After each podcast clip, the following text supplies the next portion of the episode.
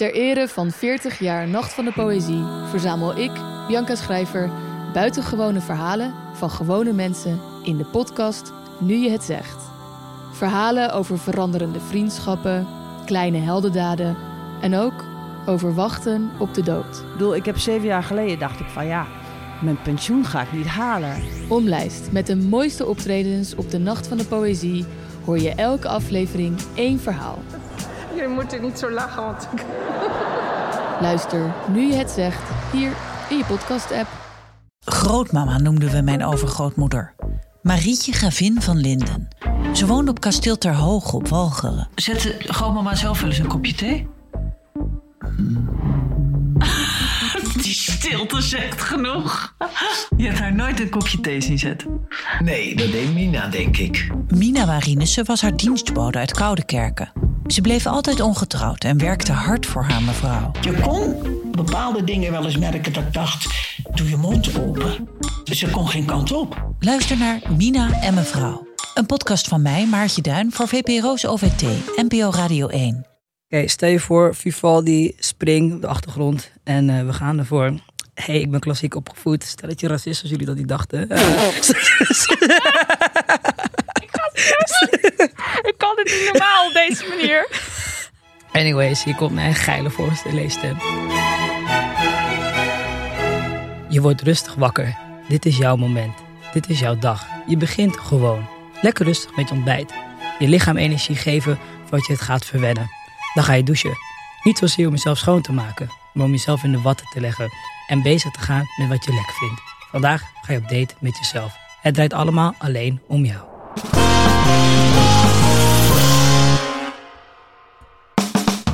Welkom bij Fucking Horny, een bonusserie waarin wij, Nidia en Marilotte, praten met auteurs die een bijdrage schreven voor de tweede seksverhalenbundel die we samenstelden, getiteld Fucking Horny en die ligt op 4 oktober in de winkel.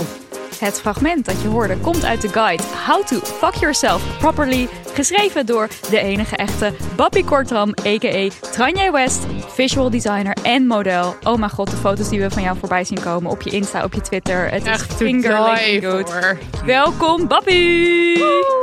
Yay! Woep, woep. We waren, waarderen het enorm dat je op dit, op dit onmenselijk vroege uur bij ons wil aanschuiven. Super homofobisch dit tijdstip, maar het is ook... Helemaal niet. Sorry voor dit homofobe gedrag. Ehm, eh, in ieder geval, we gaan het hebben over seks. Ja, Oh nee, I know. deze christelijke channel. Ik heb... we hadden je misschien even moeten waarschuwen daarvoor. Eh, laten we er maar meteen induiken. Wat Yes. is jouw huidige relatie met seks? Oeh, het gaat goed, het gaat lekker. En het is alsof ik weer 16 ben. Eh, achtergrondinformatie. Ik heb twee maanden geleden topsurgery gehad. Mijn tetten zijn eraf. Eh, maar mijn tetten zijn nu non-actief, want alle zenuwen moeten teruggroeien. Dus ik voel mijn hele borstkast niet. 80% van mij voor klaarkomen waren mijn tepels. Dus nu moet Oh. ik mijn lichaam opnieuw ontdekken. Eh, en ik kan met trots zeggen dat eh, ik heb veel talent in mijn kont. En ik ben blij om dat te exploren. Yes! Nu onderweg, bob.com, ik heb een track and trace gehad, is mijn 1-0 training set. Dus ik weet wat ik ga doen vandaag. Eh, en we gaan kijken wat eruit komt. Of erin eigenlijk. Maar dit is gewoon voor jou eigenlijk een soort... Nou, Nieuwe. nieuwe Ja. nou, een soort Herontdekken. extra puberteit-achtige Ja, situatie. ja, trans mensen hebben vele puberteit. En ik zit nu in nummer 4 of zo, denk ik. Ehm, eh, ja, ik vind het tot nu toe fijn. En met seksualiteit, ik ben nu eh, naar, van heteroflexibel officieel naar queer gegaan. Eh, want mijn titel waren ook best wel een mentale blok met het exploren met wat mannen. En ik bedoel alle mannen, cis en trans, voor me kunnen betekenen. Want niet jaloers worden dames. Ik had 80 J. En hoe groter de titel, hoe dichter bij feminiteit je bent. En dat was best wel een blokkade voor mij. ja. Eh, om te zeggen van, hey guys, laten we voor gaan. Zonder ze naar mijn titel kijken en denk van, eh, dit gaat niet helemaal. Hmm. Dus ik ben nu klaar om los te gaan. Veilig en gezond. Heel en dat komt goed. helemaal goed. Nice. En eh, je zegt die zenuwen die gaan teruggroeien? Hopelijk wel, maar er zijn milde kans, heb ik gehoord van transmannen. Dus het kan zijn dat nu, als je Ah. je vinger, als ik mijn ogen dicht doe en je doet je vinger over mijn borstkas heen, ik weet niet waar je zit. Oh, ik voel ja. het echt een fucking ruk. Oké. En pijn? Is het zeg maar wel geheeld allemaal? Ja, ja, het is helemaal het ging helemaal goed. De eerste dag dat ik wakker werd naar de operatie, ik kon mijn bed uitspringen en alles doen. Dit is de zuster me terugduwde en zei, wat de fuck wil je het doen? In het Spaans. En, ehm, en, maar ik voelde me echt gewoon kip lekker daarna. Nice. Tegenover mijn maagverkleining was het echt fucking verhelderend en Ah, gelukkig. Ja. Oké, oké. En eh, even over je bijdrage voor Fucking Horny. Want ehm, nou, je hebt net een stukje voorgelezen. En misschien viel het de luisteraar al op. Het is net even anders dan de geile pornoverhalen die andere auteurs hebben geschreven. Geiler. Het is nog veel geiler. En het gaat je misschien ook wel veel meer opleveren. Mhm. Eh, maar zonder te veel te verklappen. Wat, wat was het idee? Of wat heb je, waar heb je over geschreven? Ehm, wat mij opvalt sinds ik de wereld van man ben betreden, is dat er- ze nemen niet veel tijd om zelfliefde te exploren bij zichzelf. Meer bij queercultuur wel, queer mannen iets meer. En dat vind ik een soort van jammer. Als je kijkt naar hoe vrouwen masturberen en op Twitter seksueel zijn, op Instagram, is het echt meer een soort van de weg naar de climax. Waarbij de mannen echt climax en klaar. Ja. En Ja. dat vind ik best wel zonde. Eh dat weg erbij moet gewoon opgepakt worden. En dat het self-exploren niet alleen een feminine ding, ook een fijn masculin ding. En dan schaamteloos jezelf ontdekken, eigenlijk. En daar heb jij een soort gids eh, voor geschreven. Ja. En kan je één ding daarvan noemen waarvan je denkt, ja, dit is iets wat ik zelf ook heel graag. Nou, ik denk dat je alles graag doet wat je in je verhaal Ik doe alles maar- graag. Ik ben een open hedonist. Eh, plezier voor mezelf en mezelf alleen. Eh, maar ik zou de, de gedeelte waar ik het heb over like, fotograferen en filmen, zou ik echt heel erg aanraden. Omdat Ja. ik ook vind dat vanuit. Want als ik heb nu een open relatie en soms de foto's die ze binnenkrijgt, ben ik echt like, wauw, dat is echt zonde. Eh, je kan echt zoveel mooie foto's van je eigen dik nemen en dat moet gewoon beter. Ja, dus daar geef jij tips en Ja. tricks voor. Ja. Want je, want je beschrijft ook in je, in je guide van, eh, nou ja, soms dan eh, maak je even een foto, die ziet er wat minder uit. Of soms dan sta je even in, de, in een soort pose en dan denk je, ja, dit is het niet helemaal. Ja, En dat is allemaal oké. en het mag. Ja, Falen is leuk. ja, precies. Ja. En dat denk ik dat het wel ehm, heel toegankelijk maakt voor mensen. Omdat je toch al snel het idee hebt dat het dan heel sexy moet. Ja, dat is het ding. Maar sexy is ook zo'n breed concept. Want vind ik zijn ook nu een beetje bezig in de kinks hier en een beetje aan het kijken wat is. En het is best wel geinig om te zien wat sommige mensen sexy vinden. Ik heb laatst een lang gesprek met een guy. En wat hij ontzettend sexy vindt is zwetende, stinkende mannen die harig zijn. En ik was like, please leg uit. Eh, waar, waar komt dit concept? Maar zonder schaamte. Iedereen die me een DM stuurt, zonder schaamte bespreek het. En er was iets aan gewoon een man dat helemaal bezweet was en harig. En dat wilde hij helemaal schoonlikken van top tot teen. Wat voor hem super sexy was. Ja. En ik begreep het niet helemaal. Maar ik was like, eh, waarom niet? Je moet alles geprobeerd hebben. Misschien vind ik het niks. En dan oké. maar heb ik het tenminste geprobeerd. Maar heel vaak vraag ik nu gewoon aan mensen, waarom vind je dit sexy? Ja. En dan legt ze het uit en dan snap ik het wel. Wist je dat Nike en Adidas bijvoorbeeld een fetish is? Ik wist het Oh, niet. geen idee. Ja. Maar dan Oh. ben jij eh, ik ben er per met jouw ingerold. foto's, ja. Ja, ik ben er per ongeluk ingerold. Maar er is dus een, een subcultuur aan man, voornamelijk mannen en een paar vrouwen... die gewoon bepaalde Nike-sneakers echt super geil vinden. Oh, en die worden daar echt seksueel opgewonden van. Die worden, ja, het is onderdeel van een outfit, onderdeel van de seks. En dat ik echt denk van, oh, dat wist ik niet. Ik heb toch Nee. al die sneakers in mijn kast. Ja. Onbewust was ik aan het kinkshoppen in de foodlocker. Eh Hoe nu? Hoe nu? Eh, en dat vind ik best wel fijn. Dus sexy is echt super breed. Ik vind het gewoon leuk om mensen te vragen van... oké, maar waarom vind je het sexy? En hoe werkt het allemaal? En dat Ja. is heel fijn. Ja. Dus maak foto's en kijk, eerst ga je voor de stereotyperende sexy foto's die je kent. En daarna ga je gewoon jezelf exploren en hoe jij jezelf wilt uitbeelden naar de wereld. En dan vind je jouw manier van sexy en daar komen andere mensen wel weer op af. Heb je trouwens, als je die gesprekken hebt met mensen, en mensen zeggen ik vind dit sexy en jij zegt leg uit. Eh, soms snap je het niet, maar ik kan me ook voorstellen dat het ergens dat het ook heel inspirerend is als je het wel snapt en denkt oh dat kan ook. Ja, ik, ik heb nu best wel wat nieuwe dingen over mezelf ontdekt via andere mensen. En, en de kinks is waar ik nu een beetje chill. Dat ik echt denk van, oh, daar heb ik nooit over nagedacht. En ook best wel fijn dat eh, climax is niet altijd het grote punt. Het is de weg erna. Dus niet alles wat je gelijk in handen heeft, moet er gelijk voor zorgen dat je klaarkomt. Het mag Ja. ook opwindend zijn. Of iets meer stimuleren. Of in een bepaalde rol of mindset brengen. Dus de, de climax is een soort van aan het einde soms niet, ge- nou niet geweldig, maar zeg mild. Maar het is echt die opwerking er naartoe dat werkt. Ja, En dat vind ik ook een soort van best wel fijn om dat ook gewoon erbij te leren. En heel veel dingen waar ik eerst dacht van, oh nee, dat wil ik niet, omdat ik eerst heel heteronormatief was opgevoed. Nu kijk ik er naar terug met de uitleg van de Kingsters die bijvoorbeeld dat wel fijn vinden. Dan ben ik like, eh, waarom niet? Ja. Ik had wel een keertje willen proberen en als het helemaal niks is, dan zelf wie. Maar zolang het maar met consent gebeurt en veilig, daar, pff, daar ben ik wel down voor. ja. Ja. Ja, dat vind ik ook leuk aan Fucking Horny. Want er staan dus niet alleen verhalen in, maar ook fantasieën van luisteraars. En dat Ja. je dan dus heel breed ziet wat mensen allemaal geil opwindend vinden. En wat er allemaal is in de wereld. En het hoeft niet zozeer meteen jezelf aan te spreken. Het kan je inspireren. Je kan ook denken, oh dat is niks voor mij. Maar ik vind het wel gewoon ook heel leuk en inspirerend om te lezen. ja, niet alles is misschien even geil voor jou zelf. Precies, maar dat hoeft ook niet. Maar het is wel echt eventjes verder kijken dan wat inderdaad de heteronormatieve maatschappij ons voorschrijft. En wat Boring, de ideeën die we hebben over seks. En dan opeens krijg je zo'n hele berg eh, sexy dingen van wat, wat andere mensen sexy vinden. En denk je, oh, dat kan ook. Ja, dat, dat kan ook. Ik heb zoveel dingen ontdekt dat ik dacht van, oh shit, is dat ook een optie? Ja. Ik echt dacht van, oh, oké, top. De wereld wordt er alleen maar breder door. Hey, en eh, dit is, het is dus een, eh een seksverhalenboek, fucking horny. Ben jij zelf fan van porno? In welke audio, verhalen of video? love porno. Eh, Ja, Porno en ik hebben eh, een goede slash verwarrende start gehad, maar nu zit ik best wel lekker. Mijn eh, nummer één hobby, wanneer ik niks te doen heb, is eh, een excentrieke lijst bijhouden voor alle transmannen die porno doen, momenteel doen. En eh, daarnaast ook gewoon kijken naar alle soorten porno die er is. In het begin begreep ik porno niet helemaal. Ik keek wel naar en ik kwam erbij klaar. Maar het gaf me een soort van apart leeg gevoel. Maar het was ook omdat ik ah, niet wist dat ik trans was.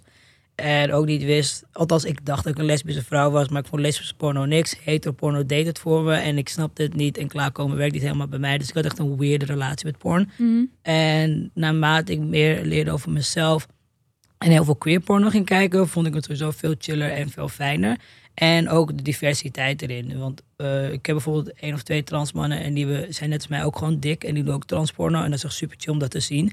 Want bij porno, als je zoekt naar dikke mensen, dan per direct ben je fetish. En Ja, dan precies. Ach, Ja. laat maar. En dit is een dik eh, transpersoon die eh volgens mij een OnlyFans heeft en Just for Fans. En die kan dus zelf de content maken. Die kan zichzelf eh, tonen hoe hun dat willen. Dus als ze bijvoorbeeld een fotoset maken over dik zijn, dan kunnen ze op een manier doen dat het lovend is in plaats van fetischerend. En Ja. dat vind ik heel fijn bijvoorbeeld. Ja. Dus go transsekswerkers, jullie hebben altijd mijn support.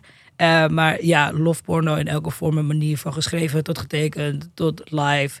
Eh, I'm always there. En, OnlyFans is dan dus een plek waar je wel goed... Of kan je ook op Pornhub bijvoorbeeld wel goede... Of, of kijk je geen gratis porno? Waar... waar waar haal je je porno? ja, Eh, Twitter porno is de beste porno, is mijn mening. porno, dat is oké. waar, ja. Want daar kunnen mensen hun eigen content naar buiten sturen. Hun Ja. beslissen wanneer het gratis is en niet. Dus als ze een minuutje aan je gratis geven, wees fucking gezegend. En ze niet betalen over de tientje per Precies. maand. Ja. En je kan natuurlijk ook retweeten. Dus ik kan met mijn platform zorgen dat net dat beginners bijvoorbeeld wat meer aandacht kunnen krijgen. ja. Eh, en het is, ik zou zeggen, ethischer. Want het is wat hun zelf kiezen om naar buiten te gooien. ja. Hoe jij er interactie mee hebt. Ehm, en de meeste queer mensen voelen zich ook veel meer op hun gemak op Twitter. Want Pornhub heeft ook hier en daar wat problemen, heb ik gelezen, qua statistieken en problemen. Ja. Bla, bla, bla. En ik weet niet hoe het bij de rest van de porno-website zit. Dus dat is wel, ik ben wel pro-ethisch fappen. Ja. Als Ja. je gaat doen, doe het Ethisch eten. fappie. Nou ja, Ja. Dat ben ik, ook, ik ben er ook all for it. Alleen het Ja. is denk ik soms best moeilijk om je weg daarin te vinden. Dus Het misschien heb jij wat accounts die je straks nog even kan eh appen Eh, naar ons. of ja. Ik, kan, ik kan jullie alle transportaccounts ja, links dan gaan we het in de show notes Ik denk dat mensen daar. Maar is het, want eh, jij zegt, eh, ja, ik volg dan wat sekswerkers die zijn trans en dik. Vind jij het fijn om jezelf eh, te herkennen in, in porno? Ja, natuurlijk. Ik bedoel, eh, zoals ik al zei, toen ik dacht dat gewoon lesbische vrouw was en hetero-porno keek. En ik snapte niet helemaal alles wat aan de hand was. Het was een soort van weird. Want bijvoorbeeld in die tijd, eh penetratieve seks stond niet echt helemaal in mijn hoofd. Maar iets vond ik wel fijn eraan. Maar ik snapte nog niet dat ik trans was en dat ik de daad van penetreren bijvoorbeeld fijn vond. Mm. Dus er waren heel veel vraagtekens die niet beantwoord werden. En nu dat ik andere transmannen sexy hebben. En daarbij een soort van welke toys gebruiken ze, welke technieken. Ik ben een zielige 1,58 centimeter. Wat ga ik doen als ik een lange partner heb? Er zijn sommige transmannen die hebben ook ongeveer mijn lengte. En die hebben dan eh, wat een collega, eh, eh, iemand mee zou ook seks gaan hebben die een cisman is die is wat langer. Hoe ga je dan toppen bijvoorbeeld? Heel veel Ja. vragen worden daardoor best wel beantwoord. ja, ja, ja. Wat ik heel chill vind. Eh, en dat werkt voor mij ook. En dat is ook gewoon fijn om te weten hoe breed gaat ook kink en seks in de transcommunity zelf. Want als je zelf niet terugziet, dan kan je dat niet, ook niet bedenken. Nee, precies. En dat vind ik gewoon heel erg belangrijk. Er zijn bepaalde dingen waar ik niet denk van oké, dat werkt bijvoorbeeld niet voor mij. Dus ik weet bijvoorbeeld dat vaginaal penetreren werkt echt niet. Ik heb het twee keer met je mail geprobeerd. Mijn brein zegt, oh dit feestje gaat zeker niet door. Lockdown, klaar. Dus eh transmannen die wel vaginaal seks hebben bijvoorbeeld. Ik kijk er wel naar, het is wel fijn, maar ik weet bijvoorbeeld dat het niet voor me werkt. Ja. Eh, maar er zijn andere dingen die ze doen. En ik van, ah, misschien wel wat voor mij. Dus dan doe ik dat ook. En dan ben ik bij Gmail, stuur ik een link. Zeg ik, yo, check deze video, lijkt je het ook wat. Ja. En dan komt het gewoon helemaal goed. Nice. En ik zie jou ook wel eens op, eh, op Twitter vragen stellen. Gewoon eventjes Ja. praktische vragen over hoe je iets aan moet pakken. Oh ja, ik ben, ik ben, we zijn net open, Jamil en ik, voor ik denk drie, vier maanden. En, en ik heb nooit gedate. Jamil en ik hebben ge- gelijk de relatie gestart. We zijn al bijna tien jaar samen. En daarvoor heb ik nog nooit gedate of wat dan ook. Dus ik ben echt compleet fresh en nieuw. Dus soms ben ik like, guys, wat de fuck moet ik zeggen? Hoe werkt dit- Dat is echt heel erg Is dat leuk. een Ik goede dat- openingszin? Ja, ik wou dat iedereen dat deed. Want dan ben je gewoon een beetje Dan Ja. weet je gewoon een beetje hoe andere mensen dat doen. Of... Ja, ik had opeens 30 man die mij gingen meehelpen het opzetten van een profiel. En volgens mij had ik een foto gestuurd van, joh, is dit een goede intro? En iedereen was like, oh, super grappig, maar ik zal dit aanpassen en ik zal dat doen. En als ik dit lees, dan en dan was ik, oké. En nu heb ik echt een tering goede profiel. Op, eh, op, op Grindr of op... eh, mijn Grindr profiel is echt heel simpel, want je mag maar een paar woorden gebruiken. Maar die van Field is echt gewoon goed uitgebreid en heel duidelijk. Dat ik echt dacht van oké, mede dankzij 30 co-schrijvers. Eh, en ik heb heel veel complimenten gekregen. Dat heel veel mensen waren like, wow, dat is echt heel direct en heel duidelijk. Dat is precies wat ik zoek. En je lijkt emotioneel en mentaal capabel. Is niet waar. Maar mijn Field profiel geeft dat heel duidelijk aan. Ehm, en ik heb nu een paar dates gehad met, met guys die echt like, veel langer dan me waren. En dan waren ze wel geïnteresseerd. Maar ik was like, hoe de fuck ga ik jouw reet opklimmen, vriend? Ik ben 1,58. Dus, dus daar heb ik ook vragen op gesteld op Twitter. Wat heb ik allemaal nog meer gezegd? Dan, raar. Ik tweet te hard en te veel. Dus ik moet even goed nadenken.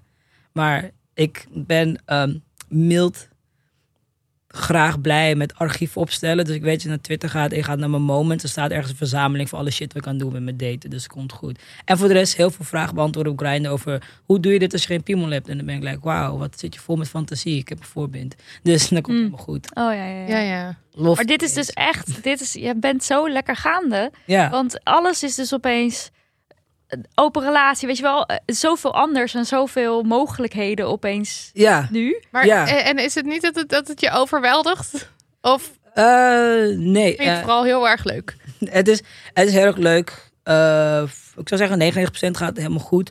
En ben ik zeker heel erg blij mee. Wat nu, wat ik het meest verrast ben, is de emotionele groei die mijn vriendin en ik hebben gemaakt. Omdat op het moment dat we, we hadden van tevoren al dingen besproken, zoals open gaan, eh cakes hebben, in de community stappen en hoe willen we het allemaal doen. En we, hebben, we zijn beide designers, dus we hebben eerst marktonderzoek gedaan. Eh, als, een, als een echte twee eh kapitalistische gekkies. Nerds. En nerd. Eh, we hebben eerst marktonderzoek gedaan. We hebben rondgekeken wat het allemaal is. Maar we hebben ook heel veel met elkaar besproken. Wat heel belangrijk is. En dat raad ik iedereen aan. Als je ooit een open relatie wilt aangaan of een poly of iets. Emotioneel open zijn. En heel veel communiceren. En eerlijk communiceren helpt zoveel meer. Ja. Omdat we hebben in deze paar maanden zoveel over onszelf ontdekt. Seksueel, emotioneel. En eh, dat het gewoon. Eigenlijk heeft dat voor ons de seks beter gemaakt. De relatie beter gemaakt. En de vertrouwen tussen elkaar veel sterker gemaakt. En dat is eigenlijk wat ik het meest van meeneem. Want iedereen die soort van. Oh, dan kan je andere mensen neuken. Lekker. ah. En dan ben ik like, oh nee, ik vind het nu zoveel chiller wanneer je al thuis is. Want er is een nieuw liefde en emotie tussen elkaar ontwikkeld. Dat zoveel meer fijner is dan. Nou, ik zeg dat het tien jaar ervoor stront is geweest. Maar we zitten nu op een soort van piek. Dat we echt denken van. Ik kan echt niet zonder jou eh, op een of andere manier. Lief. En we vinden het ook gewoon leuk om dates met elkaar te delen. En welke match we hebben gehad. En soms helpen we elkaar met openingszinnen. Want ik liep één keer vast. Ik zei, wat de fuck zeg ik? En zij zei, ik probeer dit. En ik was like, oké, toppie. Dus dat vind ik ook best wel geinig dat we elkaar daarbij helpen, bijvoorbeeld. En dat is gewoon cute. Echt warm van die feeling. Ja. zo wholesome. Eh, Is er dan nog iets aan of iets of rondom seks waar je aan zou willen werken? Eh, ik heb, ik, wil niet pochen of zo hoor, maar ik heb de mensen waar ik naar bed ben geweest, die hebben het niet allemaal gezegd dat ik oraal en met mijn handjes heel goed ben. Dus yes. hey, mijn eh, doel is Throat Goat 2023. Ehm, Throat Goat 2023. ja, Ja. 2023. Nou ja, Eh, greatest of all time, toch? Ja, Hoezo 2023? ja, weet ik veel. Misschien iemand anders het kroon wat overnemen. en dan, ja. Ja, op een gegeven moment word je ook oud. verbetering. Ja, dit is, ik, ik weet niet of ooit een show komt, weet je, Hollands Next Top Trotter. Maar ehm, Ik hoop het erg. ik hoop het heel erg. Eh, en dan, weet je, maar elk jaar is er een nieuwe winnaar. Dus ik word ook geaccepteerd op een dag eh, ik het niet red. En dat vind ik allemaal oké. Dus ehm, ik zou graag het willen ontwikkelen met dat. Goede handarbeid, goede eh, orale presentaties voor geschiedenis. En voor de rest gewoon meer kings ontdekken en meer mensen ontdekken die open zijn. En gewoon een soort van door de wereld heen willen leiden. En kijken wat het allemaal is. Dat is eigenlijk het meest belangrijke. Dat Love lijkt me it. gewoon chill. Ik denk dat je dit gewoon toe kan voegen, dit gesprek, aan al je profielen. En dat het Ja. through the roof gaat. Want... En dan heb je gewoon allerlei wijze lessen van Bappie zo in één keer. Allemaal zo in één Ja, keer. gewoon in En een één- soort reclamepraatje, toch? Ja, ik bedoel, eh, Bappie. Dit is, ja. dit is hij. Ja, ik ga mijn field even updaten met als je meer van mij wilt weten, check deze podcast. We zetten alle, al je accounts en zo ook in de show notes. Komt goed, kunnen mensen dat gewoon vinden. Al je, al, alle accounts die jij volgt. Komt helemaal goed. Luister, ik hoor de imaginaire seksbel luiden en ik denk dat we moeten stoppen. Ja, helaas. Anders verklappen we ook te veel. Dat is ook waar. Ja, Bappie, dankjewel voor het aanschrijven en bedankt voor je heerlijke guide. Ja. Die de mensen, ja, als ze hem gaan gebruiken en eh, ze willen laten weten hoe het was, mag dat? Mogen Als ze in je het- DM sliden? Als je supergoeie eh dickpics of Punaan dicks hebt gemaakt dankzij mijn guide, stuur ze op. Eh, ik geef graag opbouwend eh, kritiek. Oké, Eh, en dat is eigenlijk alles wat ik kan zeggen. Ja, love it. Oké, nou, slide in die DM. Eh, stay hot en fucking horny. of niet? Zelf weten. Mag je doen.